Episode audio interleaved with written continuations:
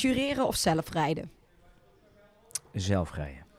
Obstakelparcours of dressuur? Obstakelparcours. Vivian. Hengst of merrie? Hengst. Buitenrit of working equitation? Working meditation. Leuk, we gaan beginnen.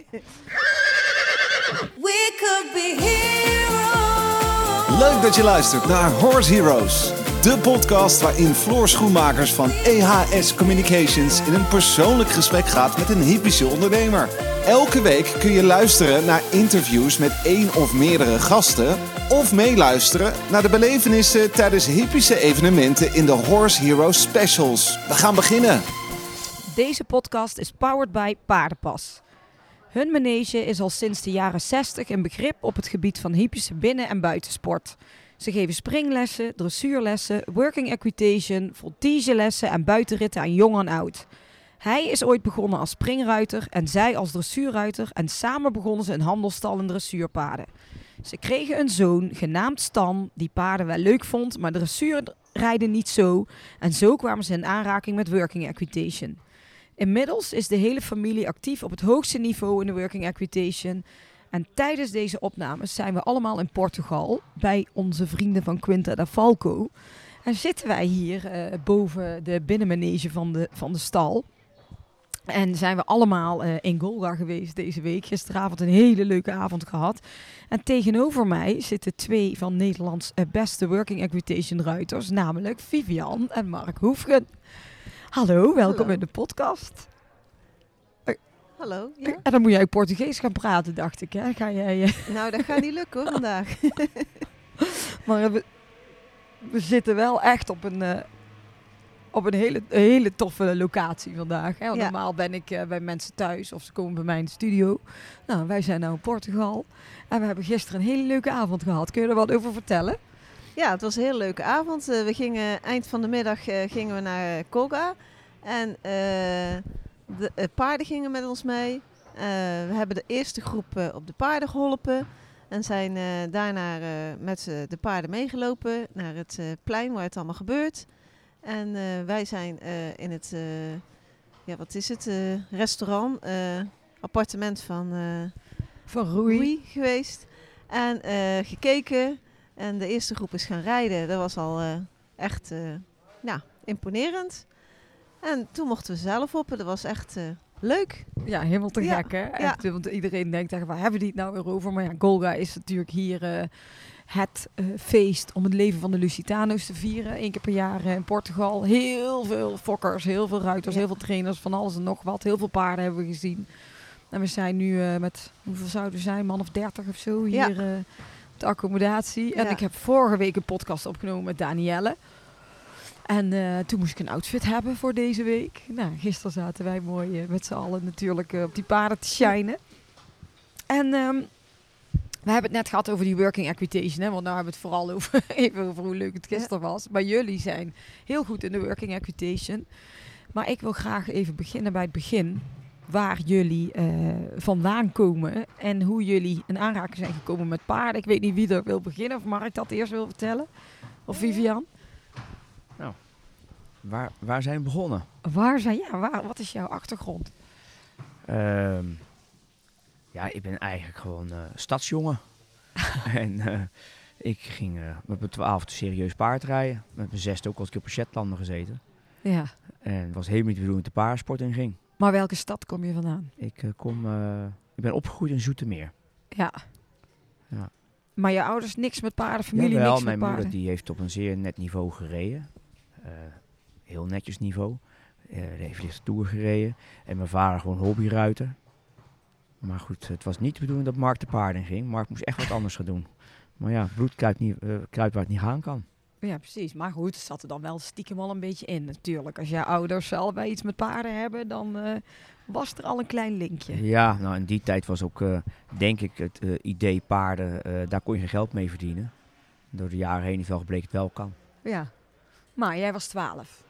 Ja. Toen ging je aan het rijden. Ja. En vanaf daar. Vanaf daar, nou ja, het land der blinden is één koning. Ik had toch wel een beetje talent, want de manege daar, ja goed, eh, reed men toch op een ander niveau. Dus Mark zat heel gauw op alle paarden van de klanten. En eh, langzaamaan eerst natuurlijk je lagere school, middelbare school. eh, een jaartje MTS voor fotografie. En Ja. uiteindelijk toch naar Deurne. Ja, je bent De paardenschool. gegaan. De paard, ja, ja, ik wou net vragen. Want wilde je iets, eh, je- heb je een opleiding gedaan? Wat je zei, het was niet de bedoeling dat je in de paarden ging, maar toch naar Deurne. Ja. Ja. En eh Deurne netjes afgerond. En met een eh, kleine omzwerving uiteindelijk in Zoom terechtgekomen. En, en, maar vertel even over die omzwerving. Omzwerving bedoel ik. Ja, nou ja, goed, weet je, je, je bent op zoek eh, naar je school en eh, naar een baan. Ja. Dus eerst drie maanden in Amsterdam lesgegeven. Gewoon eh, als manege-instructeur, Ja. als jong ventje. En eigenlijk vrij kort daarna ben ik naar, eh, via Gouden ben ik naar gekomen. Maar waar lag jouw interesse toen in springen? Ja, nee, dressuur was niet echt mijn ding. Nee. Blijkbaar kon ik het wel netjes doen. Uiteindelijk heb ik samen met mijn vader een paard gekocht. Een springpaard. Want zei mijn vader, joh, ik wil toch wel dat je ook weer dressuur gaat rijden, dat paard. Nou, het was paard ook van mijn vader, dus ik moest wel een beetje naar mijn vader luisteren. Ja. En ik was eh, snel met het paard, eh denk, lichte toer, ja. ja. En toen is eigenlijk het springen een beetje op de achtergrond gegaan. Want daar lag toch wel mijn talent om samen met Vief uiteindelijk eh, een handelstal op te zetten. Ja, maar jij, eh, want we vertellen dit ietsje sneller, het verhaal, omdat we met twee Ja, personen tuurlijk. zijn. Hè? Dus ik heb even een stukje van jouw achtergrond. Vivian, wil jij jouw eh, achtergrond vertellen? En dan ga ik daarna, wil ik natuurlijk weten hoe en waar jullie elkaar hebben ontmoet. En dan gaan we vandaar weer verder. Ja, ik eh, ben be- geboren in Bergen op Zoom op het eh, bedrijf eh, zoals het er nu is. Eh, het was toen, toen nog niet. Mijn ouders hebben het eh, langzaamaan opgebouwd. Maar eh, ik heb mijn leven lang eh, daar gewoond. Eerst een Shetlandertje, toen een pony. Nou, en eh, langzaamaan naar een paard. En ja, eigenlijk altijd met mijn vader mee op concours geweest. En ja, ik heb eigenlijk wel geprobeerd te springen. Ik heb vijf jaar lang op mijn pony gesprongen. Ik ben geloof ik vijf jaar lang niet over de eerste hindernis gekomen. dus daar lag mijn talent niet. En dat blijkt ook af en toe wel in de WE-proeven dat dat eh, zo is. Maar eh, ja, de dressuurpoort heeft altijd mijn, eh, ja, mijn passie gehad. Maar en jij, nog? maar jij zegt, je bent opgegroeid op het bedrijf in Bergen op Zoom. Ja. Wat is het bedrijf? Manege de Paardenhoeve. En dat is van je ouders? Dat, dat was van mijn ouders en dat is nu van ons. Ja, maar bedoel, ja, Ja, sorry, ja, dat, wat, dat hebben je ouders altijd. En wat was dat dan voor bedrijf, hoe jij, het, eh, hoe jij er bent opgegroeid? Eh, nou, het is begonnen met één paardje. En dat paardje kreeg een veulen. En toen kwamen er wel mensen op stal. Maar mijn vader deed lesgeven. En eh, die, mijn vader die, is heel handig. Dus die heeft eigenlijk heel het bedrijf steen voor steen opgebouwd. En ja, sommige gedeelten die we nu nog hebben zijn heel nostalgisch. Met eh, mooie steentjes en mooie raampjes. En eh, toen wij het overnamen, toen hebben wij er een modern bedrijf van gemaakt. Maar Maar het, het werd gerund als een manegebedrijf echt. Dus Ja. er, hadden, er kwamen echt kinderen, mensen, volwassenen kwamen daar manegelessen. manegelessen en eh, buitenritten. En we hebben nog een tijd eh, trouwerijen gedaan met de Oh. koetsen. Ja, dat was meer de passie van mijn moeder. Ja. En ben jij, heb jij broers en zussen? Ik heb twee broers en eh, geen zus. Maar die zijn eh, ook in het bedrijf meegegaan of helemaal niks nee, met paarden? nee, die moesten wel meehelpen, maar eh, die zijn heel de andere kant op gegaan. Mijn vader heeft ook altijd scheepswerf gehad en die zijn die kant op gegaan. Oké, De scheepswerf, boten bouwen. ja. Ja, Maar het was, met de manege had het, was het gewoon allebei springen, dressuur, Ja. alle van gewoon heel alles. veelzijdig. van alles. Ja. Hoe je gewoon een gezellige manege Ja, kan het herinneren. was gewoon een gezellige manege. Eigenlijk alles kon. En ja, eh, de foyer, daar waren dan eh, de feesten. Die was vroeger echt een, eh, een, een van de drukste, ja, we zeggen altijd cafés van Berg op Zoom. Oh, echt waar? Ja, echt waar. Ja, manege waar vroeg- iedereen heen ging. Ja. Leuk. Vroeger kon dat, hè. Toen kon je gewoon eh, drinkend naar huis. Maar Dat dat kan is nu niet meer. ook, hè? ja, dat kan ik ook ook. Met de juiste chauffeur. Drink, drinkend te Ja, paard doet ja. Maar leuk, dus Ja. dat is echt jouw achtergrond helemaal. Ja. En toen kwam je ergens Mark tegen. ja, toen kwam Mark bij ons werken en die is eigenlijk niet meer weggegaan. Oh, die kwam bij jullie Hij heeft nog wel een poging gedaan om weg te gaan, maar dat ja, is toch teruggekomen. Oh, wat grappig. Maar vertel even. Dus jij, jij bent, zei net, hè, je had al Ja. het omzwerving gehad. Je bent op een gegeven moment richting Bergen op Zoom. Hoe kwam jij daar terecht, Mark? Ja, hoe kwam ik daar terecht? Met de auto. Ja, maar was er een Eh, vacature kwam, of had je er via kwam een heel klein vacaturetje voorbij. Toen natuurlijk nog eh, gewoon in, in een krant, hè, in de hoeslag denk ik. Zo'n heel klein Oh, ja. Instructeur, zocht meer niet. En ik had natuurlijk wel werk nodig. Ja. En eh, ik heb daar gesolliciteerd. Ik ben aankomen rijden. Ik zag wel een bekend gezicht. Dat was Vivian. Want we hebben toch samen deurnen ergens gezeten. Maar ja, nou goed, dat was gewoon werk. Dus ik ben aangenomen door, eh, door mijn schoonmoeder. En, Ja, toen eh, nog niet je schoonmoeder. ja, je aanstaande ja, schoonmoeder Ja, toen. precies, mijn aanstaande schoonmoeder. En dat begon natuurlijk... eh, ja, ik heb een huis nodig, ja. Het was een heel klein caravannetje. Ja. En zo is het eigenlijk een beetje ja, ontstaan. En Hoe oud was je toen? ik denk, ik kijk even naar Viv, ja. 23. En jij in die tijd, Vivian? Oh, allebei 23. Ja. Nou, jij ging daar werken als instructeur. En toen? Want dat wil ik natuurlijk weten. Wat ja. nou ja, toen kwam de carnaval. Oh jee. Ja, ja. En eh, ja, de volgende ochtend schrok ik een beetje wakker. Ik denk, oh jee, als het nou maar niet fout gaat.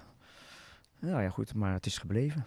Ja, Ja, heel romantisch. heel met de romantisch. carnaval. Maar was er wel al de hele tijd een dingetje? Of was het echt serieus gewoon zo'n carnavalsactie? Niet een serieuze carnavalsactie.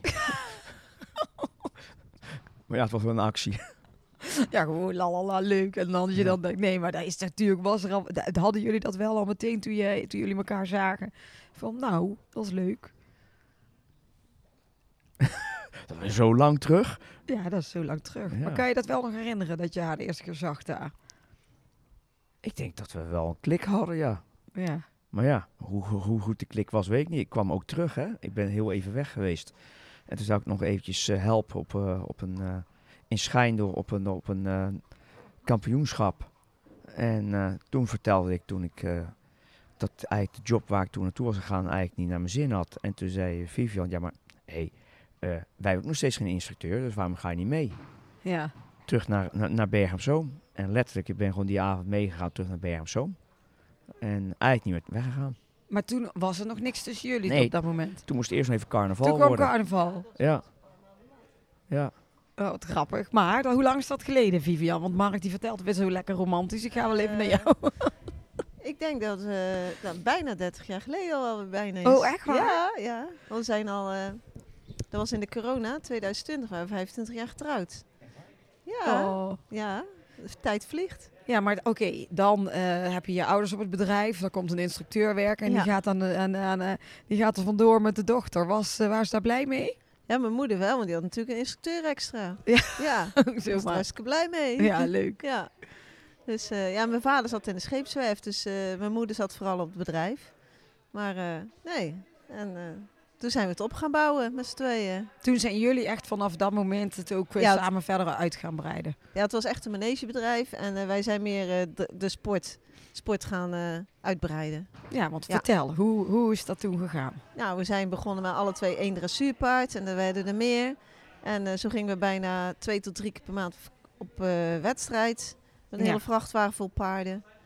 En zo zijn we samen steeds hoger in de wedstrijdsport terechtgekomen. En ondertussen wordt er hier een eh, liedje gezongen op de achtergrond. Volgens mij is er iemand jarig. Ja, maar toen, en toen zijn jullie sport ingekomen. Ja. En hoe is dat begonnen? Ja, ik, ik was natuurlijk altijd al eh, dressuur Amazone. En eh, ja, Mark is daarin mee gaan doen. Want de een springen en de ander dressuur, dan moet je wel heel veel paarden hebben. En zo zijn we steeds verder. Een jong paard opleiden, nog een jong paard. En eh, zo zijn we in de subtop eh, terechtgekomen. En ik had een, eh, een eh, klant ook die daar goed in thuis was. En die heeft ons daarbij geholpen. En ja, uiteindelijk heb ik Grand Prix gereden en Mark bijna. Die En bij wie trainden jullie dan? ja, Wolfgang Michaelis uit Duitsland, die kwam één keer per maand over. Ja. Nog een tijdje bij Anne van Olst gelest. En eh, Hans-Peter Minderhout hebben we gelest. Oh, leuk. Ja, Dus we, en, nou ja, en dan ben je daarmee begonnen, weet je, dat jullie verschillende paarden hebben opgeleid, ligt het Tour Grand Prix niveau. En eh, toen gingen jullie dat bedrijf ook verder uitbouwen. Want wat hebben jullie daar dan veranderd? Wat waren de, de belangrijkste veranderingen eigenlijk voor jullie dan? Nou, in, eh, in eerste instantie zijn we gewoon samen in het eh, bedrijf verder gaan. Want het is van mijn moeder. mijn moeder heeft altijd eh, gehad tot 2003. Toen Mhm. zijn we het samen over gaan nemen. En toen zijn we gaan investeren in eh, alle oude stallen weg. Nieuwe stallen terug met eh, eh, een- een systeem dat we met- niet meer met de hand hoefden uit te mesten. Dat was heel belangrijk voor ons. Omdat ja, we steeds meer stallen kregen. En ja, personeel was gewoon een probleem. Ja. Dus we zeiden, nou, als er een machine in kan rijden, is dat wel iets makkelijker. Want als je het bedrijf omschrijft nu, hè, Ja. hoeveel paarden hebben jullie er staan?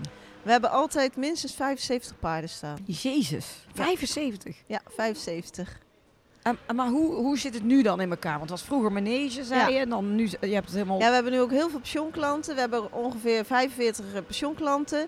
En dan eh 25 manegepaarden. En nog iets van onszelf voor Ja. de sport.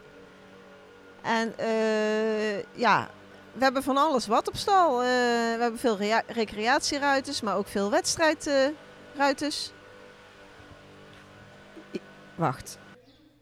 Nou, we hadden even een eh, mini-onderbreking, want we zitten natuurlijk eh, hier boven de foyer in de stal bij Quinten de Falco. En ze gingen de stal blazen. Dat moet ook gebeuren, maar dat was een beetje herrie. Dus we pakken hem even weer verder op. We hadden het erover eh, hoe het bedrijf er nu uitziet. Hoe jullie het om hebben gebouwd en wat er veranderd is. Ja, we, we, we hebben natuurlijk eh, 45 eh, pensioenklanten gemiddeld. En eh, die zijn heel divers. De een gaat graag buiten. eh, meestal nemen ze allemaal wel een eh, les bij ons af. Maar we hebben ook verschillende mensen die eh, toch eh, behoorlijk goed in de sport rijden. En dat combineert eigenlijk eh, heel leuk allemaal met elkaar. Ja. Ja. Maar het is dus eh, van, van manegebedrijf omgebouwd naar wat het nu allemaal is. Jullie zijn de hele tijd, eh, hebben jullie iedere keer dressuur gereden, zei je. Hè? Ja. Jullie zijn eigenlijk dressuurruiters. Nou ben ik toch benieuwd waar die working equitation in beeld is gekomen. Eh, ja, dat komt eigenlijk ook, ook door mijn blessure, mijn schouderblessure. In 2015 ben ik geopereerd en toen waren we in Sevilla en toen zag ik mijn huidige paard, Jeten. En eh, ja, de Spaanse paarden zijn toch iets makkelijker te rijden eh, in de hand. En eh, die ben ik gaan opleiden in de dressuur. En op een gegeven moment kwam ik daar niet verder mee. En toen zijn we de, in de equitation terechtgekomen. Ook door onze zoon Stan, die dressuurrijden echt helemaal niet leuk vindt. En de sport was in opkomst. En toen zijn we clinics gaan volgen. En sinds 2018 zijn we in de wedstrijden terechtgekomen. Ja, want Mark, even jouw vraag. Hè. Jullie, eh, Vivian vertelt net over jullie zoon, eh, over Mark, of over, over Stan, sorry. Ja. Hoe oud is Stan? Stan is nu 24. En die eh, ging ook toch wel iets met paarden doen? Ja, Stan, die, natuurlijk, je leeft op een manege. Dus als kind zijn ga je natuurlijk toch op een pony zitten. Ja. En eh, ja, dat ventje heeft nooit echt eh, technisch leren, les, leren rijden. Want daar had hij me geen interesse in. Nee. Maar wel verdomd handig. Dus ja, in het begin hadden we nog wat uh, criollo's gehad van, van, die, van die Argentijnse ponies. En dat vond hij helemaal leug. Ja. Een beetje westernachtig rijden. Ik dacht van, nou, dan moet hij misschien de westernsport in. Nou, dat was dan eigenlijk ook niet. En eh, ja, uiteindelijk he- het verhaal van de Spaanse paarden en eh, work equitation. En dat vond Stan eigenlijk wel interessant.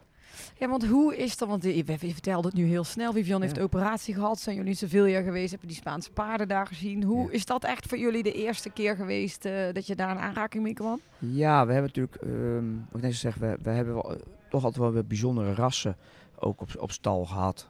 In het begin hebben we wat uh, Bujonis gehad. Dat waren paardjes uit Rusland. Die kwamen via echt bij Schep. En eh, ja, zo zijn we een beetje door gaan kijken en gaan hobbelen. En toen zeiden we, goed, western rijden. Eh Vivian zegt mijn schouder. Nou goed, ik heb een hand een keer geblesseerd gehad. Dat ik maar één hand kon rijden. Ja. Ja, wat ga ik dan doen? Ja, western rijden misschien. Misschien is dat wel, de raining of wat dan ook. Nou, dan ga je weer een beetje rondkijken. Nou goed, de quarters was niet helemaal mijn smaak. En zo heel langzaamaan, eigenlijk kwam ik iemand tegen die ik vroeger in de springsport tegenkwam. En eh, die handelde in criollo's. En criollo's zijn eh, ja, Argentijnse veedrijfspaardjes. Die kwamen toen naar Europa toe. En dat is eigenlijk het eenhandige verhaal geworden. Eh, naast de dressuurpaarden. Daar is het eigenlijk begonnen. En eh, ja, wat ga je dat doen met de criollo's? Ja, we hebben geen koeien.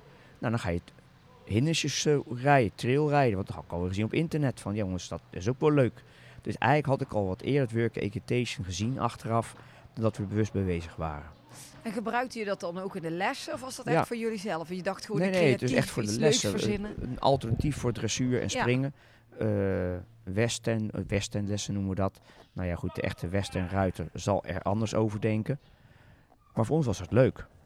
En zodoende zijn we eigenlijk eh, stiekem al een beetje met de westernsport in aanraking gekomen. Eigenlijk met work education. Nou ja, daar vanuit eh, geen criollos meer uit eh, Argentinië. Dat is, was afgelopen.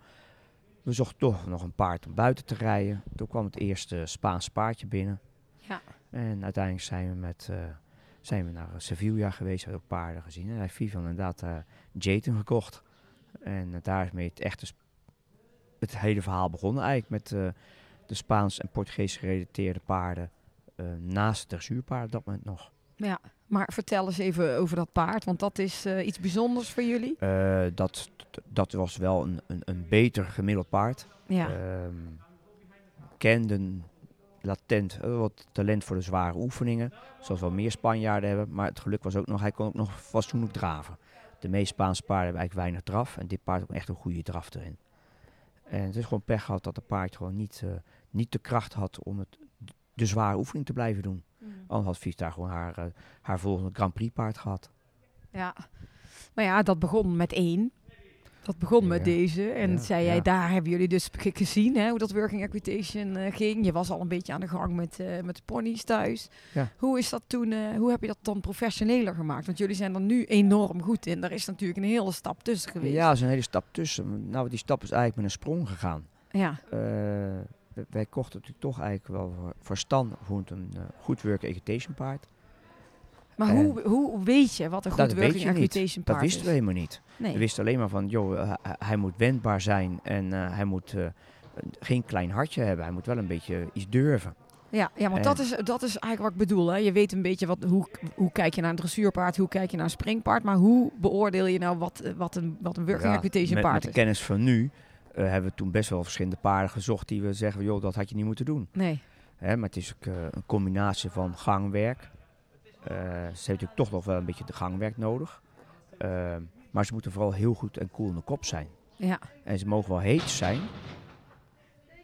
Ze mogen wel heet zijn, maar eh, ze moeten wel gehoorzaam blijven. ja, En ehm, dan zie je wel dat de pa- Spaanse en Portugees gerelateerde paarden, die kun je een keertje, eh, die, die kunnen best een keertje eh, eh, moeten werken, maar ze, er is ook een uitknopje op.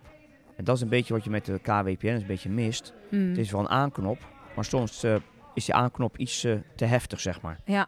En, en zij zijn gewoon in, in het hele mentale wat, wat rustiger. Ja, ik denk, maar ik denk dat die paarden ook wat meer in de, in de, in de basis meer nog echt werkpaard zijn. Ja, tuurlijk. Hè? En dat is een beetje wat, wat... Nou goed, dus als je zegt van joh, wat is een goed work education paard? Dat kan ook een KWPN'er zijn. Maar het moet een paard zijn waar ook het knopje uit op zit. Ja. En eh, ja, dat is natuurlijk gewoon door schade en schande wijs worden. Je koopt een paard, dat valt tegen. Misschien wel een leuk paard, nog, dan kun je een keer verkopen. Ehm, het valt tegen, ja goed, wat, in het gangwerk. Ja goed, dat hebben we met het dressuurpaard ook wel eens een keer. Van, joh, hij is toch net niet laatst, maar hij heeft wel een heel goed karakter. Dus dan kan hij toch weer met je mee. Ja, zo zijn we eigenlijk op zoek gegaan.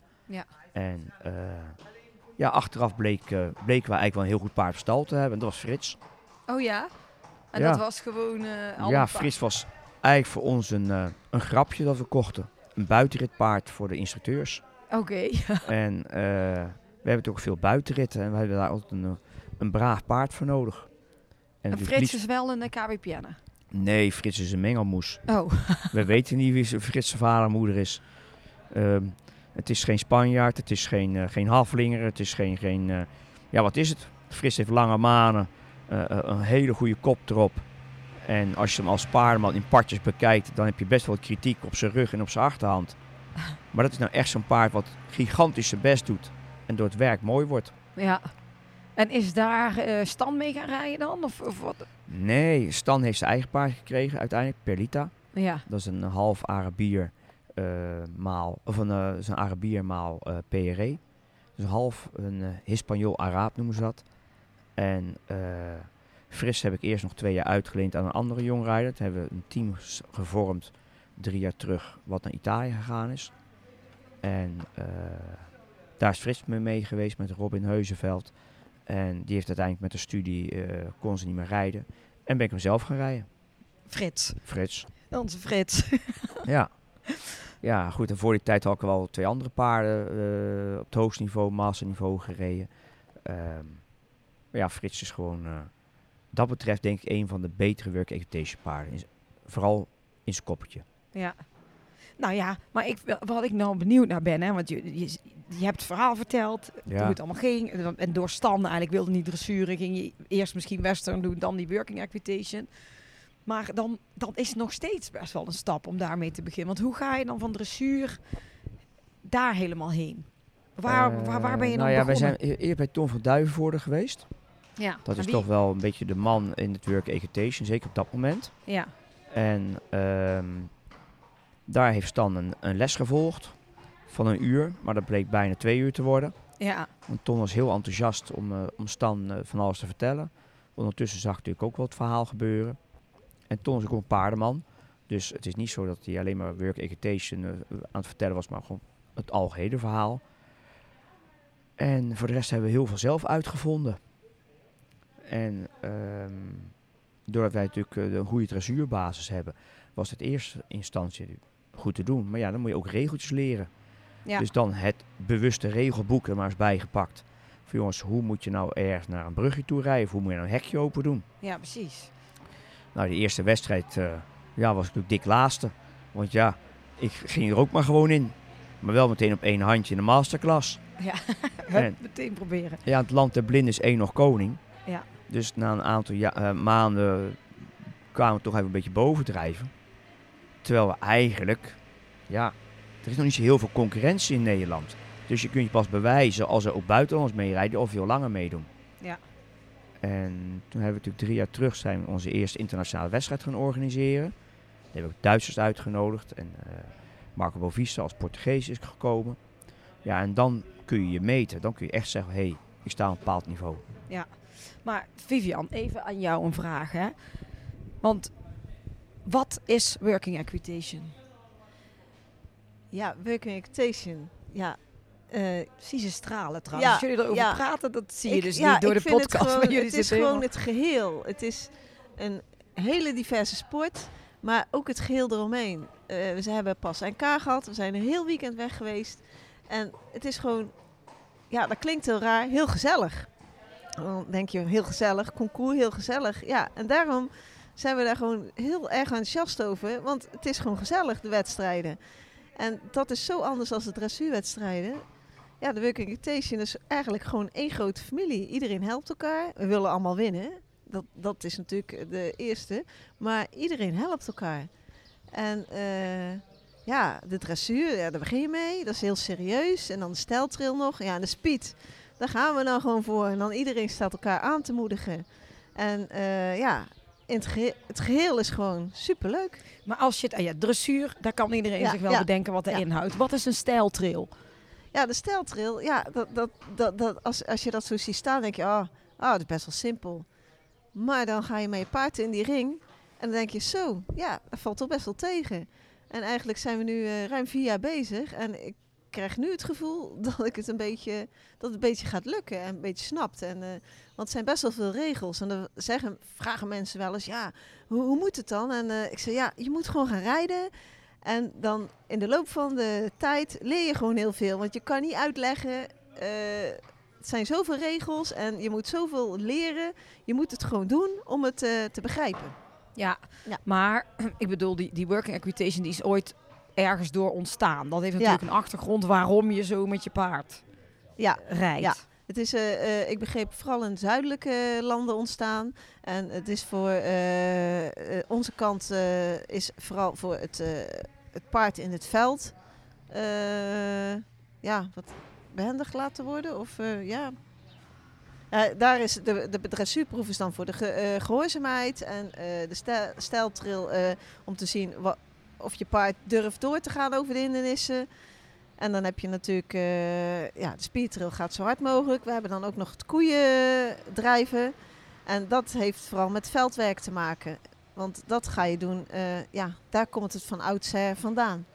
Maar als je op concours gaat, moet je dan al die onderdelen doen of is het dan een, een van de onderdelen? Nou, eh, altijd de drie onderdelen en de, koeien drijven of de, ja, de, eh, ik weet niet precies de naam. Heeft dat een speciale naam? Ja, het runnenwerk. Dat kan niet overal, omdat er toch bepaalde regels zijn. En er moet een, een goed omheinde bak zijn. De koeien moeten ook aanwezig zijn. Want ja, niet iedere manege heeft eh, eh, koeien op stal staan. Nee, natuurlijk niet. Maar even, weer even terug naar Mark, hè. Want we, je hebt het net over de, de stijltrail en de speedtrail. Kun jij een aantal hindernissen, of hoe noem je het, oefeningen, eh, omschrijven? Wat moet je dan doen? Voor Ehm, degenen die dit, die dit nu luisteren, die, die horen wel Ja, working wat- wat is amputation, nou? maar, maar wat moet je dan doen? Het is zo dat je krijgt een hindernisparcours voor je neus. eh, wat eigenlijk een beetje gebaseerd is op, op drie onderdelen. Behendigheid, souplesse voor het paard, op gehoorzaamheid en eh, op de durf van het paard te testen. Nou, als je zo bekijkt en bijvoorbeeld een hek open en dicht doen, eh, dat is eigenlijk meer gehoorzaamheid. Over een brug heen gaan of door een eh lijstokpen heen rijden. Dat is een, ronde waarbij, waarbij eigenlijk een paar beetje claustrofobisch kan worden, omdat je dan een heel smal gangpaadje moet rijden. Eh, daar wil je echt kijken of de moed van het paard eh, erin zit. En eh, dan heb je natuurlijk nog de behendigheid. Ja, je zal ook een keer in een traversbeweging over een balk heen moeten stappen. Ja. Ehm, ja, dat, dat klinkt allemaal redelijk eenvoudig. Wat Vivian ook zei van ja, het is juist de veelzijdigheid wat het moeilijk maakt voor het paard. Hè, bijvoorbeeld een hindernisje springen. Ja, dat kan eigenlijk iedereen. 60, 80 centimeter, dat is niet zo spannend. Maar als je natuurlijk de veelheid van de oefeningen ziet. Hè, je hebt een, eh, je hebt een stuk of 14 hindernissen hebben we in totaal. En dat maakt eigenlijk de concentratie voor de paard en voor de ruiter het lastige stuk. Ja. Nou ja, ehm, ik heb het dus één keer, eh, één keer gedaan hier in Portugal. En hier op een van die Lusitano's, want hier buiten is natuurlijk die hele working Ja. amputation eh, ring, of noem je het, die bak. Ja. Nou ja, en toen was het ook, nou, hup, we gaan working amputation doen. Ik dacht, oké, dus moest ik slalommen. Eerst een draf met teugels, slalom rijden. En die barrels en inderdaad die, die volten en over zo'n brug heen. En toen een galop, toen met één hand en dan steeds harder. Ja, het is wel super leuk om te doen. Maar goed, ik had natuurlijk wel een paard die het al kende, zeg maar. Maar waarom is dit ook... ehm, dat paarden moeten heel veelzijdig zijn, zeg je. Maar is dit, als je zelf dressuur rijdt bijvoorbeeld... of alleen maar springt of alleen maar dressuur rijdt... zijn dit dan ook goede oefeningen om met, eh, met je eigen... Ja, om- Jazeker. Het is eigenlijk een beetje het verhaal is dat ehm, een dressuurpaard, als wij een volte rijden als dressuurruiters, dan rijden we misschien nog een keer. En misschien rijden die volte nog een keer. Maar het is nooit, zeg maar, heel gecentreerd. Ehm, als wij een dressuurproef rijden, dan op het rijden een dressuurproef. En als jij de diagonaal op komt en je gaat wissels eh, om de vier maken, dan kun je best eens een keer zeggen, nou oké jongens, ik wacht twee meter. En ik ga dan mijn serie beginnen. En dat kan eigenlijk met work education niet. Want die Nee. slalom staat er. ja, En die slalom, een enkele slalom galoppeer je om de vijf sprongen. Een wissel. Als je een beetje verzameld hebt. En bij een parallel slalom reizen om de zeven. Een wissel. Maar je kunt niet even smokkelen. nee. Want dan ben je die, die paal voorbij. Dan stel met de drie tonnen. Eh, ben ik een dressuurpaard bezig en ik wil even mijn wissel voorbereiden. Kan ik best een pas wachten. Dan ziet die jury ineens dat ik heb gewacht. Hij ziet alleen maar alsof hij na mijn hulpen springt. Of naspringt gewoon in, in de sprong. Maar dat wordt hier heel duidelijk zichtbaar. Ja. Dus in die kant wordt je paard gehoorzamer. En door de vele wendingen die je maakt, veel meer dan als je dressuurpaardentraining hebt, want ben je eigenlijk meer bezig met gangwerk, voor die paarden losser in de lijf. Dus als, als extra oefening is voor een dressuurpaard zeker geschikt. Ja, maar het is helaas, denk ik, nog best wel een, een beetje of ja, onbekend en nog niet zo groot in Nederland.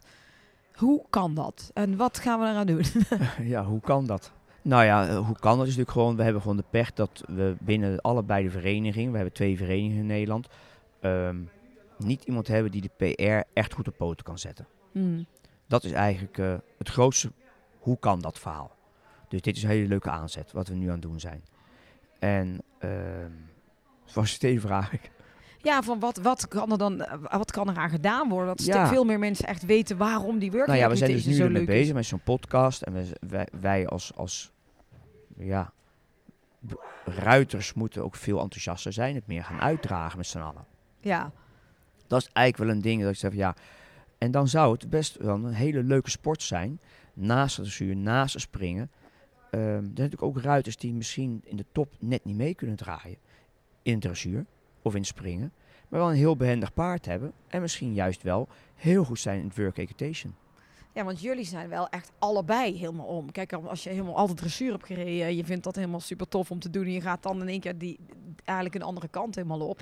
Samen ook nog. Ja, Dan is het dus ook wel echt super leuk om te doen. In ieder geval, je, ja, je gaat niet zomaar Ja, je sport maar- wisselen, zeg maar. ja, het is de veelzijdigheid. Je bent nog steeds met je dressuur bezig. Ja.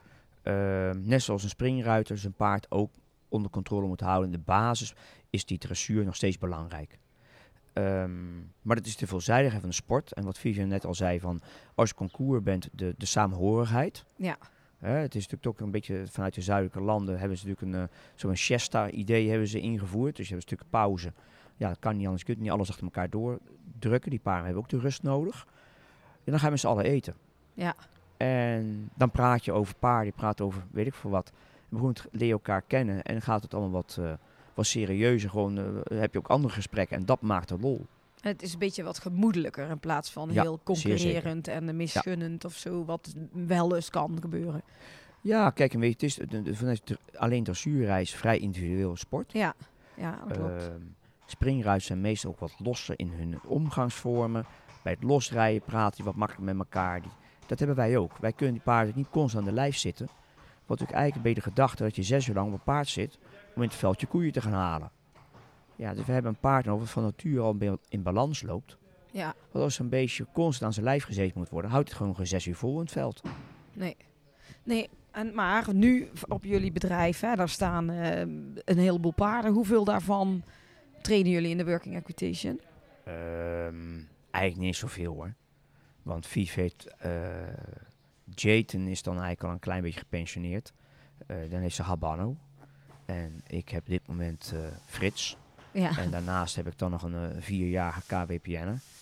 Ehm en dan heeft Stan nog een paard. Wij hebben vijf paarden voor work equitation van, vanuit de familie, zeg maar. Mhm. En nou, dan hebben we een, een aantal jongrijders die, die we hebben opgeleid, die eh, mee hebben gereden aan de EK. Ja. En we hebben nu wel langzaamaan steeds wat meer klanten die naast hun dressuur of naast hun recreatie eh, ook work equitation oppakken. Dus bij elkaar denk ik 10, 12 klanten oh, die, die, van, die, die op de wedstrijden rijden. En daarna hebben we, veel, dan hebben we nog een heleboel mensen die nog in het begin stadium zitten en die het gewoon ja, zeg maar wekelijks Ja. een lesje nemen. Maar dat is ook wel waar ze bij jullie voor terecht kunnen. Dus als mensen denken van we willen dat leren en de les krijgen en die parcours een keer proberen. Ook als iemand nieuwsgierig is en het nog nooit heeft gedaan, doe je dat ook? Ja, zeker. We hebben natuurlijk eh, onze manegepaarden. Eh dat zijn niet echt manege-manegepaarden, dat zijn al wat betere eh, paarden geweest. Ja, En nu nog steeds. En daarvan, van, van de helft daarvan kan ook zeer zeker een- network equitation eh, proef zeg maar, wegzetten. Dus daar kunnen mensen op leren. Hoe ga je een hek openen? Hoe ga je over een bruggetje heen? Ja, dat klinkt simpel. Maar ja, er zijn ook weer regeltjes aan verbonden van hoe over de brug heen moet. Ja. Waar ga je een stap? Hoe ga je een stap eroverheen? En- Et cetera. En je zei net eh, dat jullie ook eh, dus vaker wedstrijden organiseren. Daar, zijn jullie, daar ben je zelf mee begonnen ook dan bij jullie op, de, op de stal? Eh, op stal zelf doen we alleen wat onderlinge wedstrijden. ja, Eén keer per jaar organiseren we een grote wedstrijd in Halsteren. Dat is eigenlijk onze achtertuin, Fort de Roveren. En dat is een internationale wedstrijd. En dat gaat komend jaar, als het goed is, nog groter worden. In samenwerking met Prins Auvergne, dat is onze rijvereniging waar we nog steeds lid van zijn. Want wat zijn er eh, al aan evenementen in, eh, in Nederland aan, aan working equitation? Oh ja, heel langzaam begint het wel te komen. Ik denk dat je, als je ze optelt, dat er misschien maar tien wedstrijden per jaar zijn. Ja, Dus dat is nog niet veel. nee. Hè? En dat, eh, dat, moet gewoon. ja, er zijn ook eigenlijk maar twee of drie organisatoren nog die dat doen. We hebben in Eersel, en, dus ons thuis, zeg maar, voor de work equitation. bij Peter van der Ven. Dan hebben we eh, eh, in Del hebben we nog een wedstrijd waar regelmatig wat gebeurt.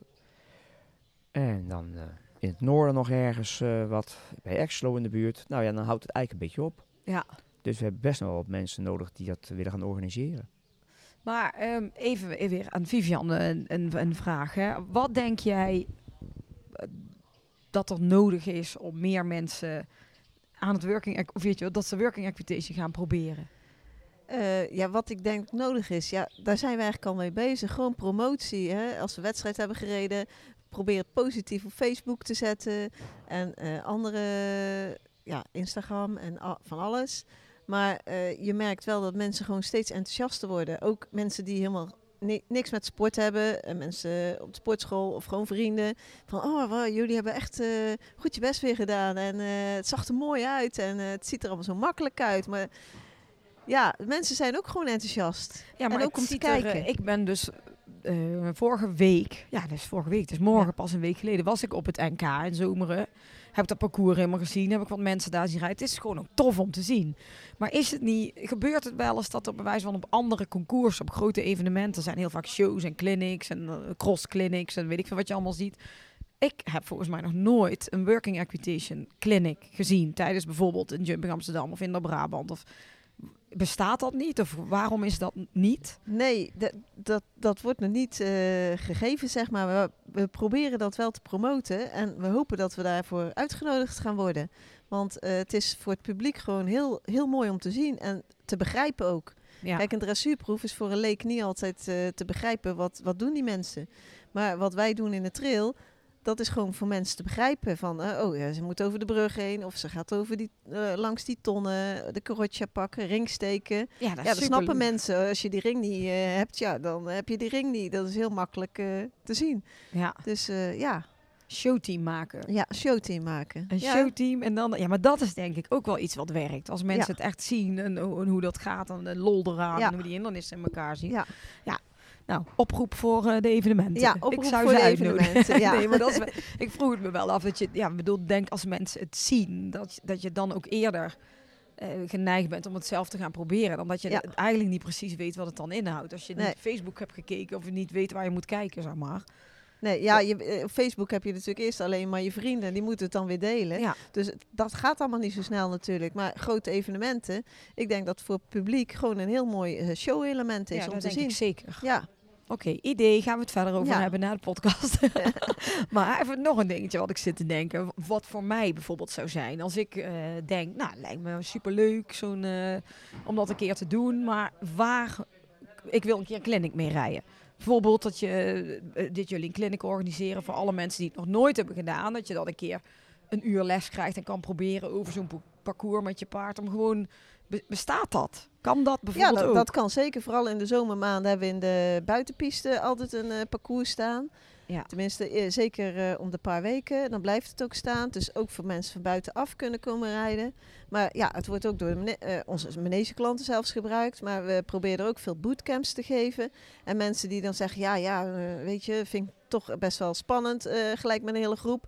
Ja, daar hebben we dan de privélessen voor, van één op één. Dan kun je op je gemakje met je paard eh, door het parcours heen. ja. En dat is, ja, voor sommige mensen is dat gewoon heel prettig. Ja, maar bedoel, dat kan ik me voorstellen. Dus als ik het een keer zou willen proberen, zou ik dat liefst ook het alleen in, Ja. een, eh, een les een keer willen Ja. doen. Maar jij vertelde straks helemaal in het begin hè, dat jullie, ehm, nou, nu zijn we in Portugal, jullie zijn toen jouw paard gaan kopen in Spanje en zo. Dus Ja. jullie komen regelmatig ook in Spanje en Portugal, zoals ik het begrijp.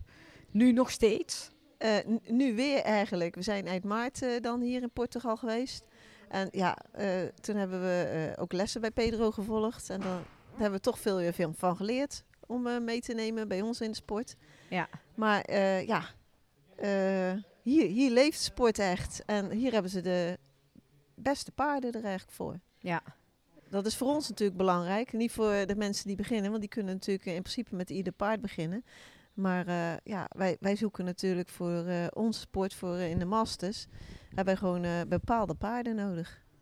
En dan ga je hier, als je hier bent, ook gewoon eigenlijk nog een beetje meer afkijken en inspiratie opdoen. En Ja, paarden zoeken misschien nog wel. ja paarden zoeken, ja, ja, ik denk het wel. Morgen denk ik. Oh ja, ga je paardenjacht? Ja, Oh, leuk.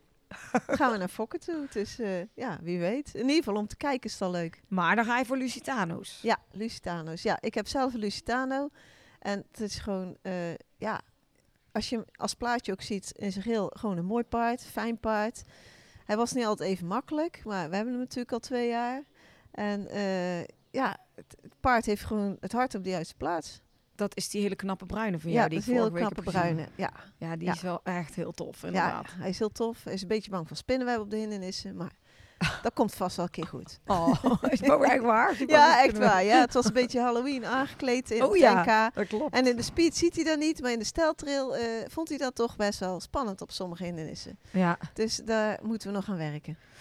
Mark, ik heb weer een vraag voor jou. Hè. We zijn even bij de Lusitano's.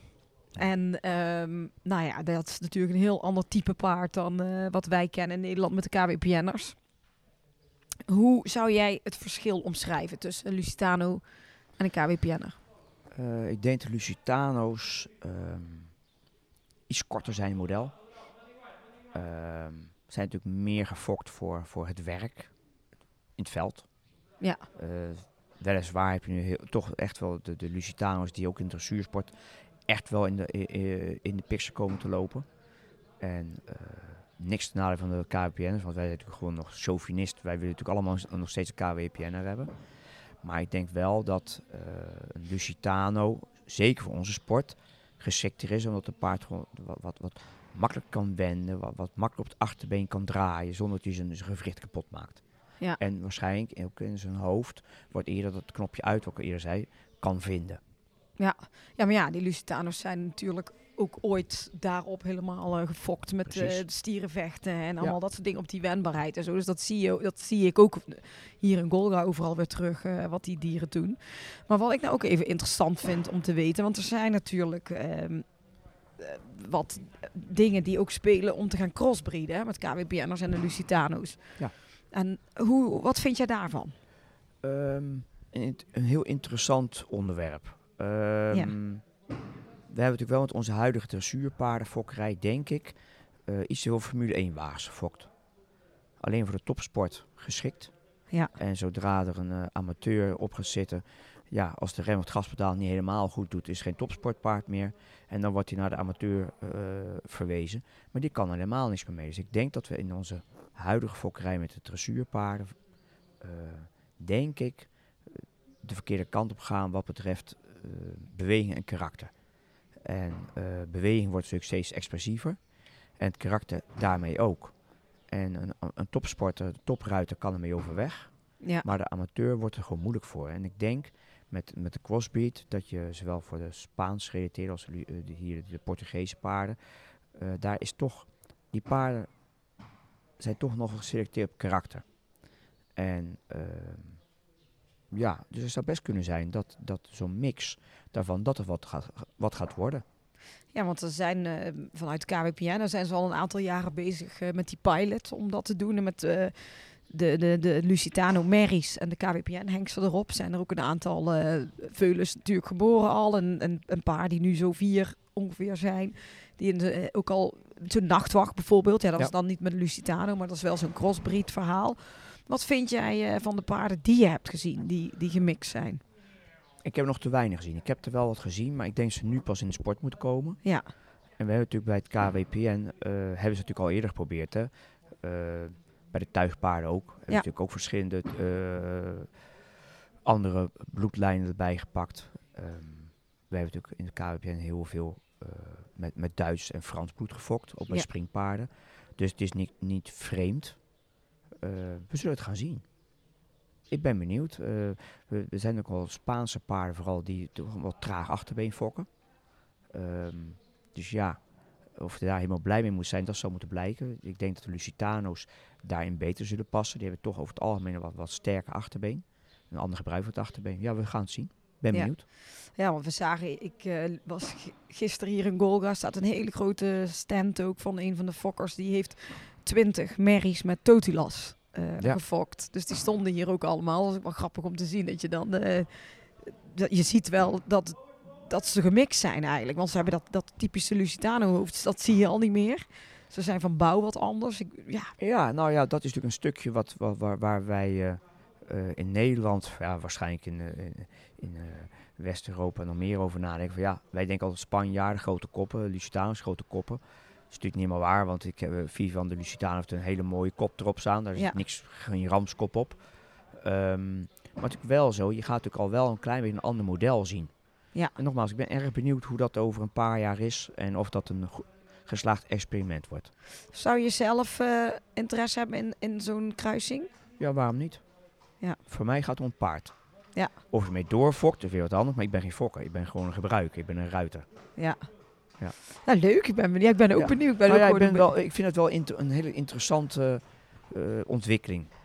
Hè, ik bedoel, bij de, bij, bij de eh tuigpaarden hebben ze natuurlijk de hek niet erbij gepakt. En American Saddlebred destijds. Of dat wat geworden is, dat weet ik eigenlijk niet. Daar heb ik niet zo in verdiept. Nee. Eh, bij de springpaarden ja, wordt het een beetje lastig. Ik weet niet wat je daarvoor eh kruis moet hangen. Ja, misschien met de achtergrond horen een ezel. Maar ik geloof niet dat dat wel gaat worden. Ja, Ja, dat gebeurt hier ook. Hè. Staat, staat hier van alles. ja. Zul je, misschien hoor je dat niet eens in de opname, die ezel. Maar, eh, maar ehm, Vivian, nog even wat vragen ook. Want nou, we zitten in Portugal dus voor de tiende keer. Voor jullie eh, gaan morgen paarden kijken. Bij Fokker ook. Ja. En ehm, dan ga je jonge paarden kijken. Ja, ja, jonge paarden. Eh, ja, het is een fokker ook, dus die, ik neem aan dat hij niet heel veel oude paarden he- heeft. Ehm, ja, en dat is natuurlijk eh, van de ene kant eh, makkelijk om op te leiden, een jong paard. Eh, van de andere kant, een oude- paard kunnen we gelijk mee weg. Dus ja, het is even de- te kijken wat hij heeft staan. Wij zijn eigenlijk ook heel benieuwd. We zijn uitgenodigd door iemand. En de working equitation is hier, wanneer ook alweer, morgen vanavond. Op in Golga, volgens mij, is er dan nog een wedstrijd of zo van de working equitation. Ja, Gaan jullie daar nog kijken? Ja, dat denk ik wel. Ja, ja we hebben een eh, programma, dus ik denk, eh, ik weet niet tot wanneer dat loopt, maar vanavond gaan we daar zeker nog even heen. En dan ben je nu hier. Hoe ziet, eh, want jullie zijn nu hier gekomen met een zelf geboekt of met een, met een Wij zijn via Patricia van Paardenpas hier gekomen ja. en we zijn met een heel gezelschap. En ik ga straks met Bart en Daniel van Bokhoven gaan we door naar SICAP in Sevilla. En daar hopen we ook weer eh, het een en ander eh, te beleven qua... eh, ja, dat zijn weer Spaanse paarden natuurlijk. We zijn nu bij de Lusitano's, maar we zijn heel benieuwd hoe dat gaat worden. maar eigenlijk kom je, het is eigenlijk vakantie, Ja. maar ook toch ook wel werkvakantie, want je combineert Ja, het ja toch het is wel werkvakantie, maar we proberen echt wel een vakantie ervan te maken. En Ja. ook eh, hier, op het bedrijf is het ook voor ons vakantie. Het is gewoon leuk om te zien hoe de mensen hier met paarden omgaan. En eh, mooie paarden kijken, ook op het festival. Ja, zijn, het is gewoon superleuk. Ja, want dat vind ik ook nog wel even leuk, hè? want we, we hebben het nu een paar keer al over, over dat evenement Golga gehad. Waren jullie daar al eh, eerder geweest? Nee, nee. En eh, we hadden heel veel verhalen gehoord, maar in het echt is het dan toch nog veel leuker. Ja, Ja, ja want Ja. gisteravond was ook mooi dat je dan tussen al die honderden mensen Ja. op die paarden, ja. in het donker, door dat dorp heen, een borreltje ergens drinken op het paard. Ja, dat was Ja, wel... dit, eh, dit, dit, dat zeiden wij heel de avond al. Dit zou in Nederland echt niet kunnen. Mensen lopen tussen de paarden door. eh, we hebben geen één paard eh, kwaad zien doen naar eh, andere paarden of eh, mensen. Ja, de paarden zijn hier gewoon eh, super braaf. Terwijl Ja. het zijn eigenlijk bijna allemaal hengsten. ja. En daar lopen gewoon merries tussendoor. Ja. Ja. in Nederland gaat er gewoon nee, maar niet. dat is het, echt het bizarre. Hè? Je zit gewoon, die paarden staan allemaal tegen elkaar, aan elkaar, achter elkaar. Niemand trapt naar elkaar, niemand Nee. schreeuwt, niemand Nee. bijt. Ja, dat, is, dat is wel echt totaal wat anders. Ja, totaal anders dan bij ons in Nederland. Ja. Ja. En wat staat voor jullie nog eh, op de planning eh, deze dagen?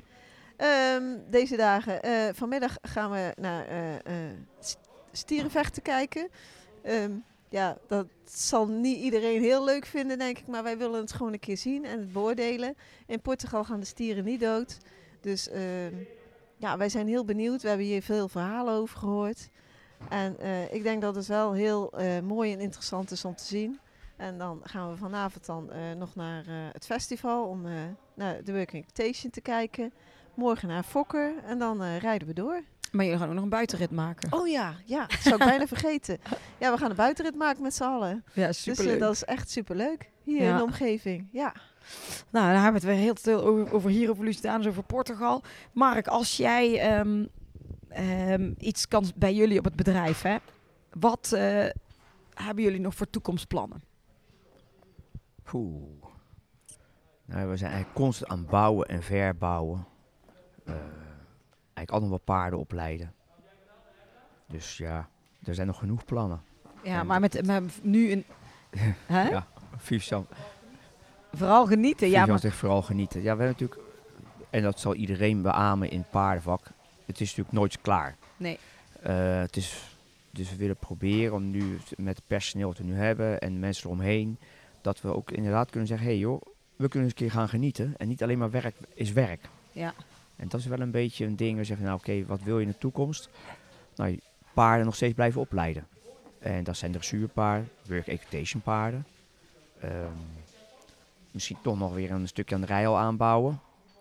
Eh, tweede rijal, maar goed, daar kan best nog een stukje aan vast. Ja. Dus ja, dat is weer een bouwplan.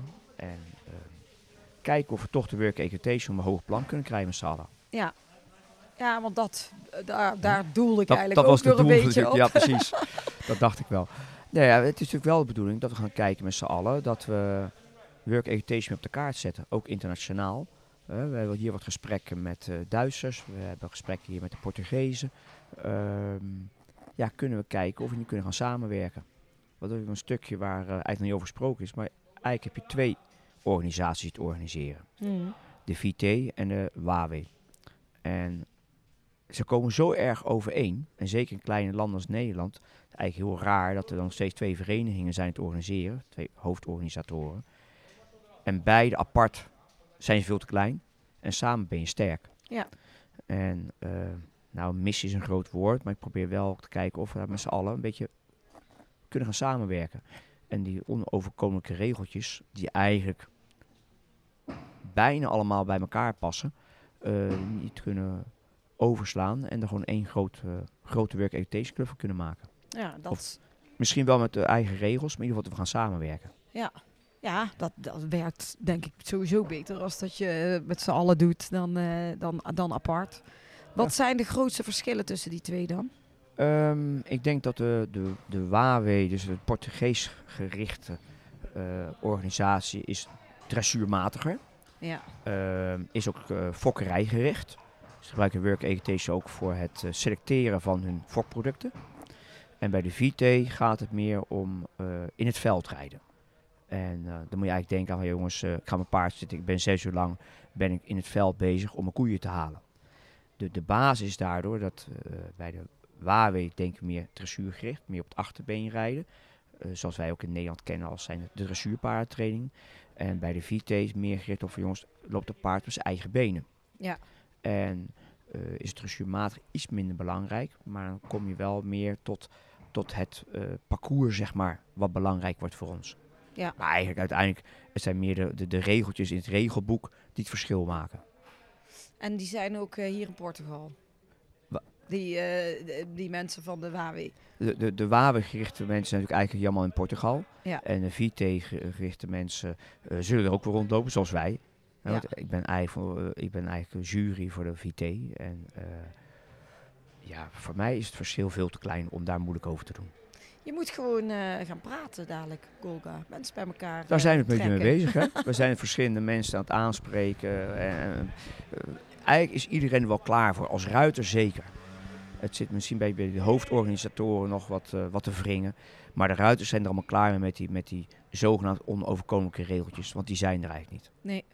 Nou, ik ben benieuwd wat Ja. er allemaal gaat gebeuren. Ja, dat wordt mijn missie misschien. Dat wordt jouw missie. maar als mensen... eh, want we zitten alweer eh, tegen... We hebben niet eens een liedje gedaan. Normaal doen we een liedje tussendoor. Wat, iemand, eh, wat een speciaal nummer was van iemand. Maar we zitten nu al op het uur. Als mensen interesse hebben in working equitation. Of ze willen een les. Of ze willen een keer weten wanneer er clinics zijn. Of ze willen gewoon een keer komen kijken. Of ze willen informatie. Of ze net wat over jullie meer dingen weten. Waar moeten ze kijken? Ja, nou we hebben een website. www.manegepaardenhoeven.nl Ja. Eh, we staan op Facebook. Uh, Manege Paardenhoeven is te vinden. Op welke manier dan ook in Bergen op Zoom. Dus van die kant ja, kom langs. Daar kunnen ze het vinden. Maar als, ze- als ze bewijzen van willen weten eh, of er in Nederland... eh, Ja, je hebt natuurlijk eh, je hebt twee hoofdorganisaties. Je hebt Work Education Holland, je hebt Work Education Nederland. Daar kunnen ze op die websites kunnen ze ook de informatie vinden. Ja. En daar staan ook clinics op en workshops. Eh Jazeker. En wat is nu het eerstvolgende beetje grotere evenement wat in Nederland gaat plaatsvinden? volgens mij een Exlo. Kijk even naar Vivian. Ja, een Exlo. Wanneer? Ja, eind november. Eh, november? Ja, in januari is dat. Oh. Ja, nou, dan, in januari, en daar rijden nu 21 masters mee, hoorden we net eh, van de organisatie. En dat is in januari? Ja. En dat is natuurlijk wel een heel, dat is een groot aantal hoor. Eh 21 master ruiters, het hoogste niveau. Ja, dat is wel super. En die zijn, komen die allemaal uit Nederland? Nee, die komen over heel Europa vandaan. Oh, Oké. En eh, Hester uh, Bisschop en ehm Marco Bovista organiseren dat. Oh, leuk. En samen met eh, Daniel van Bokhoven. Ja, dat, is wel een, een- dat moet een hele mooie wedstrijd gaan worden. Oké, dus dat is even de aanrader ja, voor da- mensen dat die is eigenlijk zeg maar, de punt op de kijken. horizon waar we naartoe moeten gaan werken. Leuk. Ja. Oké, nou Vivian. ehm, wat moet iedereen weten van Working Equitation? Wat moet iedereen weten? Ja, dat het gewoon een eh, hele leuke sport is om te beoefenen. Iedereen, iedereen kan het. Op elk niveau. En ehm, in heel Nederland eh, wordt het, eh, ja, niet op hele grote schaal, beperkte schaal. Maar in heel, Nederland zijn er gewoon mensen die het, waar je het kan leren. Dus ja, ik zeg, kom langs, bel ons op of bel iemand anders op. Maar ga ermee aan de slag. Yes. Ik vind het helemaal leuk. En ik moet Ja. zeggen, ik ken het ook nog niet zo goed. Maar ik ben echt wel mede door Portugal en door wat ik hier allemaal heb gezien en wat je het zelf hebt ervaren. Ook echt wel wat enthousiaster over, die, eh, over de Working Equitations. We zullen eens plannetjes gaan maken. Misschien leuk clinics ook organiseren en die evenementen kijken. Dat ze wat doen met, eh, eh, met de clinics en die shows. Want ik denk dat dat super tof is voor het publiek ook. En anders doen we het bij ons op het evenement in april bij de Go Social Party. En voor die kinderen ook dat ze het zien. Want daar moet het eigenlijk ook allemaal mee. Als die enthousiast worden, je dan... eh, moet met kinderen beginnen natuurlijk. Ja. nou, superleuk. Ik eh, ga jullie laten, want jullie mogen nog eh, van alles doen vandaag. En dan ga ik dadelijk ook naar Golga. Ja. En daar nog wat mensen spreken. En super bedankt dat jullie tijd hadden om, om mee te doen in de podcast. En die komt heel binnenkort alweer online. En dan ehm, zeggen we... ah, hoe zeg je nou? Doe je het in het Portugees? ja, die, die skippen we wel. Hebben jullie nog iets om af te sluiten? Nee, Nou, nee, ik zou zeggen luister en eh, ja, doe er ideeën van op. Precies. Nou, hartstikke bedankt. En eh, dit was de podcast van deze week vanuit Portugal op Quinta da Falco, waar we met z'n allen zijn. En eh, tot volgende week. We could be heroes.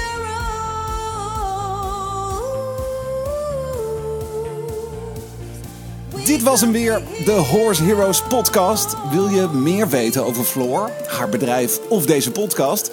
Kijk dan even op de website van ehscommunications.nl. En wat je ook zeker even moet doen, is je abonneren op deze podcast om geen enkele aflevering te missen.